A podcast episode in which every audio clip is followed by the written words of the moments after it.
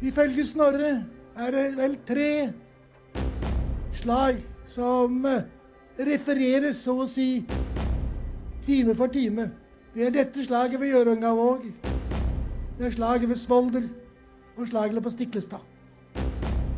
Vi har alle tre på hver sin måte hatt en stor betydning for vår videre historie.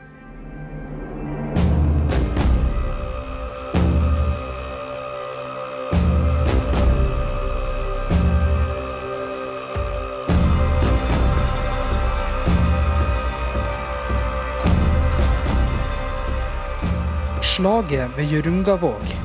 En podkast laga av Trond Odin Johansen. Første episode. Fyllaveddemålet som ikke gikk som planlagt.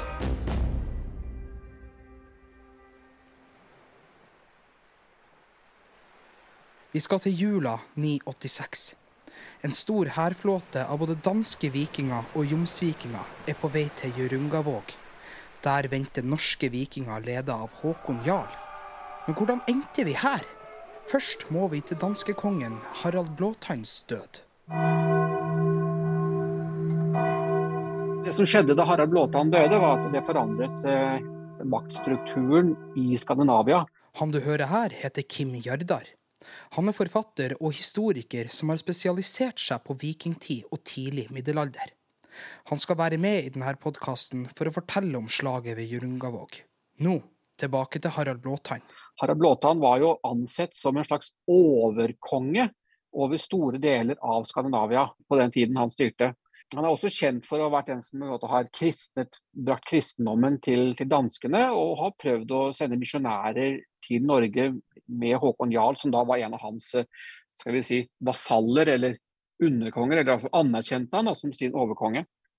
Og Håkon Jarl satt oppe i Trondheim. Han, jo, han, dro jo selv også på hærtokt ned til Danmark og hjalp Harald Blåtann i, i flere kamper mot bl.a. den tyske den tysk-romerske keiseren og sånne ting. Så, så, de to hadde et veldig tett forhold. Eh, men det båndet mellom de to var personlig. Altså når Harald Blåtann døde, så, så, så, hadde ikke sønnen hans Svein Tjugeskjegg noen eh, automatisk rett til å, til å kreve den samme lojaliteten fra Håkon Jarl som, som, Harald hadde hatt. Uh, men det ønsket Svein Tjugeskjegg. Han uh, regisserte derfor rundt en rundt 986 et, et, angrep på Norge for å få tilbake denne makten. og Det er jo det angrepet som kulminerer det store sjø, sjøslaget i Gjørmevåg. Og helt i starten her nevnte jeg at både danske vikinger og jomsvikinger dro for å kjempe i Norge. Men jomsvikinger, hva vet vi egentlig om dem? En av de, eh, de gruppene som Svein Tjugeskjegg brukte for å, å gjeninnføre en slags dansk makt over eh, Skandinavia, var det eh, legendariske krigerbrorskapet, ofte kalt jomsvikingene.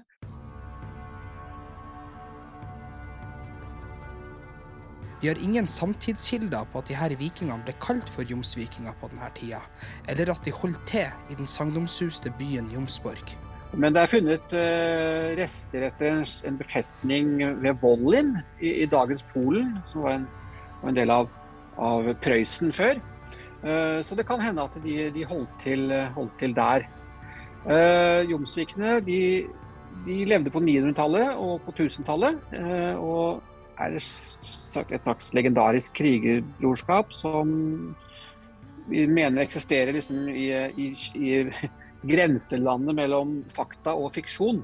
Og de opptrer også i veldig mange sagaer. Og, og mange av lederne i dette dette brorskapet dukker opp i, også i, i samtidskilder. Så, så, så, persongalleriet knyttet til lomsvikingene, de, de vet de har levd. Snorre Sturlason skriver om hvordan slaget kom til. Jardar forteller at dette er kun ren litteratur, og at det ikke finnes noen faktabelegg for det Sturlason skriver. Han eh, forteller en historie om hvor da kong Svein Tjugeskjegg inviterer jomsvikingene til et gjestebud og gir dem masse drikke. Altså, de får de største drikkehornene, og de får den sterkeste drikken. Så de, de er jo ganske fulle, da, ikke sant. Og så får eh, kong Svein da deretter den ene og etter den andre til å sverge at de skal reise til Norge og, og føre krig mot Håkon Jarl på hans vegne. da. Og, og, så, kom, så, så, og så, sier de en, en, sånn ed. Først er det Sigvalde, og så kommer Torkjell, og så kommer Bue Digre, som også er, er en av disse jomsvikingene. Hver av dem kommer med hver sin ed om at de skal dra til Norge og, og slåss og nedkjempe Harald og bringe Norge under Svein. da. Så når de blir edru, selvfølgelig, så syns de kanskje de har tatt det litt hardt. da. At uh, Håkon Jarl var jo kjent for å være en formidabel uh, krigshøvding med store ressurser. Så det var jo ikke bare bare liksom å reise til Norge og, og yppe seg mot Håkon Jarl. Men nå var det ingen vei tilbake. De hadde lova det her, sjøl om det var på fylla, og måtte dra til Norge. Man tror at slaget skjedde rundt jula 986. Da gikk flåten til danskene og jomsvikingene nordover. Det er usikkert hvor mange skip som deltok, men den minste antagelsen er på 60 vikingskip, mens den største antagelsen er på 165 skip. Så det minste antallet her, 60 store skip i vikingtiden, er jo en kjempestor flåte. Med mange tusen mann antagelig. Kildene sier at de først kom til Tønsberg, hvor de herja og brente ned. Så for de videre mot Jæren, men der ble de da oppdaget da, av, en, eh, av noen som greide å sende et budskap nordover til Håkon. Det gjorde at Håkon, Håkon fikk tid til å sam, sammenkalle Leidangen eh, i Trøndelag. Og der er også kildene litt usikre på hvor mange skip Håkon kunne ha, men noen kilder nevner opptil 180 krigsskip. Men, eh, men, da kanskje litt mindre type da enn jomsvikingene. Så uansett snakker vi om eh, to store krigsflåter. Vikingene reiste lenger nord i landet til de kom til Søre Sunnmøre hvor de lette etter Håkon Jarl. Og til slutt så kom de da til eh, Ladetidhavet som kalles for Hareidlandet for å skaffe proviant. Og idet de holdt på å stjele kuer og bringe dem om bord i skipene, så kunne han bonden som de da hadde tatt disse tingene fra, forteller om at Håkon Jarl han lå rett i nærheten, med bare noen få skip. Han sa at jeg vet ikke om det er ett skip eller om det er to skip, men det er i hvert fall ikke mer enn tre skip, sa han. Og På den måten så, så lurer han jo jomsvikingene til å kaste seg inn i kampen mot det de tror er en liten, liten flåte.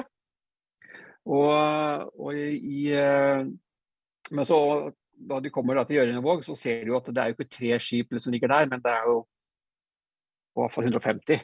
Men da var det liksom for seint, og da var de klar til å angripe. Og det er vel eh, Bue Digre da, som, som angriper først, i hvert fall ifølge eh, Skallekvadet si at han var den første som, som angrep uh, Håkon Jarl. Vi er på vei mot et stort sjøslag, men hvordan slåss man egentlig til sjøs den gang? Den gang så kjempa man ikke ute i åpen sjø. Man prøvde egentlig å kopiere et landslag på vann. Og Det betyr at man ønsket å finne et eller annet sted, altså en rolig fjordarm eller et, eh, en bukt eller et eller annet sted hvor, hvor man kunne uh, fylke skipene Eh, binde sammen sikkert noen av dem og ha andre løse, slik at man kunne utmanøvrere og utplankere eh, fienden. Men han ønsker rett og slett å bare kopiere hvordan man kjempet på land og kjempet på vannet. Så kom slaget.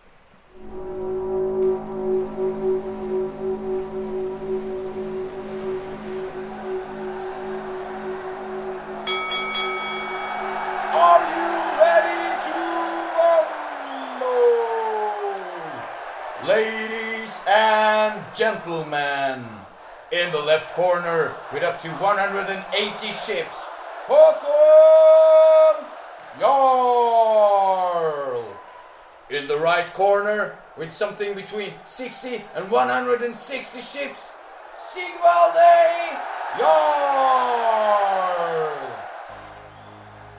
Innerst i fjorden finner du Håkon Jarl, som danner sentrum for fylkinga si. Med seg har han sønnene Eirik, Erling og Svein. I tillegg hadde han med seg flere krigsherrer, som bl.a. Tore Hjort. Ytterst i fjorden danner Sigvalde Jarl sentrum i sin fylking. Med seg hadde han Vagn Åkesson, Torkjell Høie, Sigurd Kåpa og Bue Digre. Fight!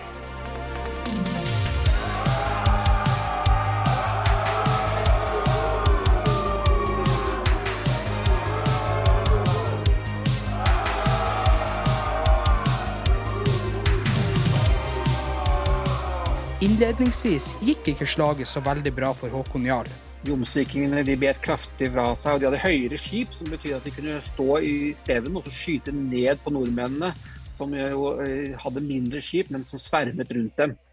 Eh, Håkon selv han, han, deltok aktivt i kampene, og det var jo det en stormann måtte gjøre den gangen. for Man måtte jo lede ved eksempel. og Derfor så ble han jo også mål for mange jomsvikinger som ønsket å liksom, Hvis de greide å ta livet av ham, så ville det føre til stor, eh, stor heder og ære. Derfor så ble Håkon skip eh, overmannet av jomsvikinger, og kampene sto mann mot mann. Og Kildene sier også at Håkon Jarls ringbrynje den ble så ødelagt i angrepet at han måtte ta, valgte å ta den av seg og, og, kjempe videre uten. Men når det så ut som verst for Håkon, så kom det et forferdelig uvær. Det var regn, det var vind, det var haglbyger. Og dette været det kom som et uh, sjokk på danskene. Og det var dette været, da, dårlig været som snudde dette slaget i uh, nordmennenes favør. Nordmenn var vant til værforholdene i dette området, noe som gjorde at de kunne dra nytte av uværet. Da ble det vanskelig for danskene å bruke kastevåpen. Det ble dårlig sikt, som gjorde det vanskelig å navigere. Derfor måtte danskene og jomsvikingene begynne å trekke seg tilbake. Og Til slutt så sier kildene at Sigvalde Jarl han eh, beslutter å kappe fortøyningene eller sine. eller har sikkert, De har sikkert kastet masse Eh, tau med, med, kroker og hekter over skipene til Håkon Jarl, slik at de kunne holde dem tett uh, mot hverandre. Men da valgte han å kappe disse her og trekke seg tilbake. Og når han gjorde det, Sigvald Jarl ble jo ettertiden skyldt for feighet fordi han stakk av, måtte stakke av fra slaget. Mens mange av de andre jomsvikingene de, de sto der og kjempet til sistemann. Bue Digre han uh, kjempet så lenge at, uh, så det ikke var noe skip igjen. Så kastet han seg på sjøen og druknet. Og den siste av jomsvikingene som overga seg, det var Bagen Åkesson. Han uh, er ofte beskrevet som en av de kanskje mest fryktløse av alle jomsvikinger. Og han blir jo brukt som en sånn en kontrast da, til, kontrast til, til Sigvalde, som, som på en måte stakk av og var feig. Helt til slutt var det Eirik og Vagn som holdt kampen oppe. Og vi har et dikt som ble skrevet av en mann som het uh, Vigfus uh, Vigaglumsson, og forteller om akkurat denne siste kampen mellom Eirik og, og Vagn. Det ble ikke så lett å angripe Vagn, hvor jeg så skjoldene briste, kløvd av sverdet. Kampen buldret høyt. Der gikk vi ut i kampen med danske Sveines skip spydets flukt var sterk. Så det er jo sånne dramatiske scener. da. Til slutt ble Vagn tatt til fange og ført opp på land. Og da kommer en veldig berømt scene fra sagaene. for Tanken var jo da at eh, de skulle henrette eller halshugge alle jomsvikingene som overlevde. Men uh, Vagn han uh, hadde jo et langt, flott hår, og, og han uh, ba jo den som skulle komme og hugge, og, og hugge han om at noen tok og holdt håret hans vekk fra nakken, slik at han ikke fikk blod på det. Men i det øyeblikket han skulle, sverdet skulle gå, så rykket han da bakover, slik at han som holdt i håret hans, fløy forover og fikk begge hendene kuttet på. det.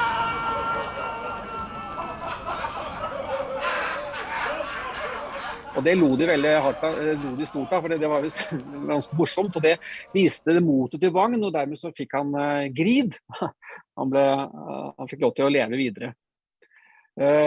Mens, så han blir da den store helten, mens Sigvalde blir den store, latter, store latterfiguren. Så, sånn sett så er jo også denne fortellingen en slags moralhistorie om hvordan man bør oppføre seg, og hvordan man ikke bør opp, oppføre seg. Men det er ikke den eneste versjonen som eksisterer.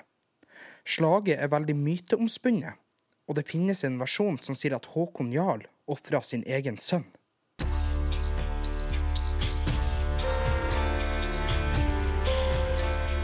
Snorre nevner i Heimskringla at eh, Håkon Jarl han hadde ofret sønnen sin, Erling. Han var jo med i slaget, da, så det hadde han ikke gjort. Da. Men i fall, det var ikke en sånn rykte om at eh, Håkon Jarl hadde før kampen, eller under kampen faktisk, hadde liksom gått i land i stormen, eller rett før stormen brøt ut, da, ofret sønnen sin Erling for å få seier. Og den sønnen hadde ofret til, sånn, til, til um, Torgerd Holga Brud og søsteren hennes Irpa, som er to valkyrier som da skulle være sånne formødre for slekten til, til Håkon Jarl. Og så, hadde, så, var det de da, selvfølgelig da, som hadde kommet med dette uværet. og dette uværet beskrives også som om disse valkyrjene rider over himmelen og skaper dette, dette enorme uværet. Og, og, disse haglene som da treffer jomsvikingene. Og Det skulle være takken for at, for at Håkon da ofret sin, sin, sønn til disse, disse valkyriene. Det er selvfølgelig veldig tvilsomt at det skjedde, men eh, det, det vitner om en sånn rest fra den tiden hvor, faktisk, eh, hvor faktisk vikingene ofret mennesker i, i, i, tider med, med stor, stor, krise. Kim Jardar forteller at det er de sene kildene som forteller om offeret. Ingen av skaldekvadene nevner noe om dette offeret. Hva kan være forklaringa? Håkon var nemlig hedning misjonærene som han hadde fått av Harald Blåtann i sin tid, hadde noe dumpet på sjøen og ville ikke ta det med til Norge. Hadde gjeninnført blodting etter en kort periode med Håkon den gode, som, som prøvde å, å, å, innføre kristendommen. Så, så, så, det var jo litt sånn eh, altså De kristne i middelalderen hadde et behov da, for å forklare denne seieren over Svein Tjugeskjegg, som jo var en kristen vikingkonge, og jomsvikingene, som også var kristne. Altså Her har vi en, en, en hendelse hvor en hedens krigsherre knuser en kristen hær. Og Det måtte forklares i, uh, av uh, middelalderens historikere. og da, Derfor så trekker man inn dette her at uh, han, brukte rett og slett heksekunsten. Han ofret et menneske og, og, fikk djevelen på sin side, og dermed så kunne han, han vinne dette her. Så det, det, Dermed så kan også mennesker i den kristne forståelsesverden skjønne, og, og, og skjønne hvordan denne seieren der kunne skje. da, ikke sant? Etter kampen hadde nordmennene fått seg 25 intakte vikingskip. Når det gjelder hvor mange som døde, så vet vi ikke det. Men antageligvis var det mange som gikk tapt i slaget. Men tenk på at dette slaget var uten tvil ganske stort og viktig i samtiden. Og det ble faktisk oppfattet å kanskje ha en litt sånn nasjonal betydning også, fordi uh, mange av de samtidige skallekvadene hyller egentlig Håkon for at han han uh, har Norges selvstendighet uh, i tankene. og, og Han er nesten en slags rikssamlingsprosess. Hvis jeg, hvis jeg hadde ikke uh, Som han gjennomfører her. Einar Skålagland forteller at Håkon Jarl han samlet hær fra fire folkeland, sier han, og, og et følge av sju landstyrere. Kunne kalle ut leiedagen. Så han er jo en ganske stor, eh, mektig konge. da, og, denne kampen her, den etablerer han jo som liksom den ubestridte lederen. Derfor er det litt sånn bittert å tenke på den endelikte som han fikk da, en del år senere, hvor han ble, ble drept i grisebingen av Kark, kvelden sin, da, da, han kom på kamp med Olav Tryggvason. Det, det, si det, er jo også et, et fortelling da om, om hvordan uh, store mennesker kan falle også. Det her slaget etablerte Håkon Jarl som Norges enerådende hersker helt fram til Olav Tryggvason kom. Svein fikk jo ikke noe kontroll over disse delene av Norge før etter at han slo eh, Olav Tryggvason i slaget ved, ved Svolder i år 1000. Men eh, så, så, så, han er liksom, Håkon Jarl er liksom den siste av disse, disse hedenske krigsherrene da, som, som, på en måte holder eh, danskene unna. Etter han så, så forfaller det litt da, og kristendommen kommer og sånne ting.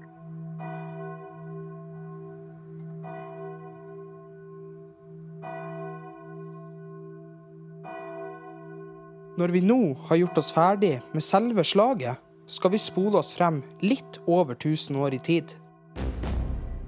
Vet vi egentlig hvor Jørungavåg ligger?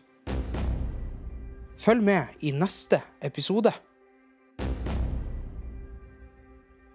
Det er ingen som egentlig vet hvor Hjørungavåg ligger. Det har vært mange spekulasjoner og forslag til uh, ulike fjordarmer rundt Stadlandet nord for Stadlandet. og og, og, sånne ting, som hvor dette kan ha vært. Men det er faktisk ingen som helt sikkert vet hvor, hvor det har vært. Og det som heter eh, Gjørenavåg i dag, det er antagelig ikke det stedet hvor dette slaget sto.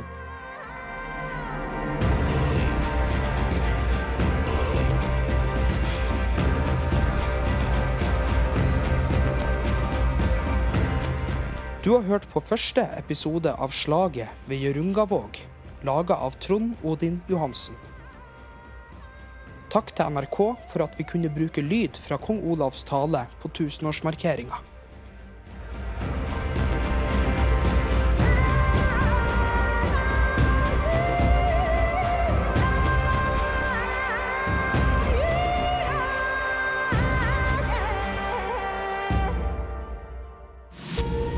en podkast fra Radio Volda.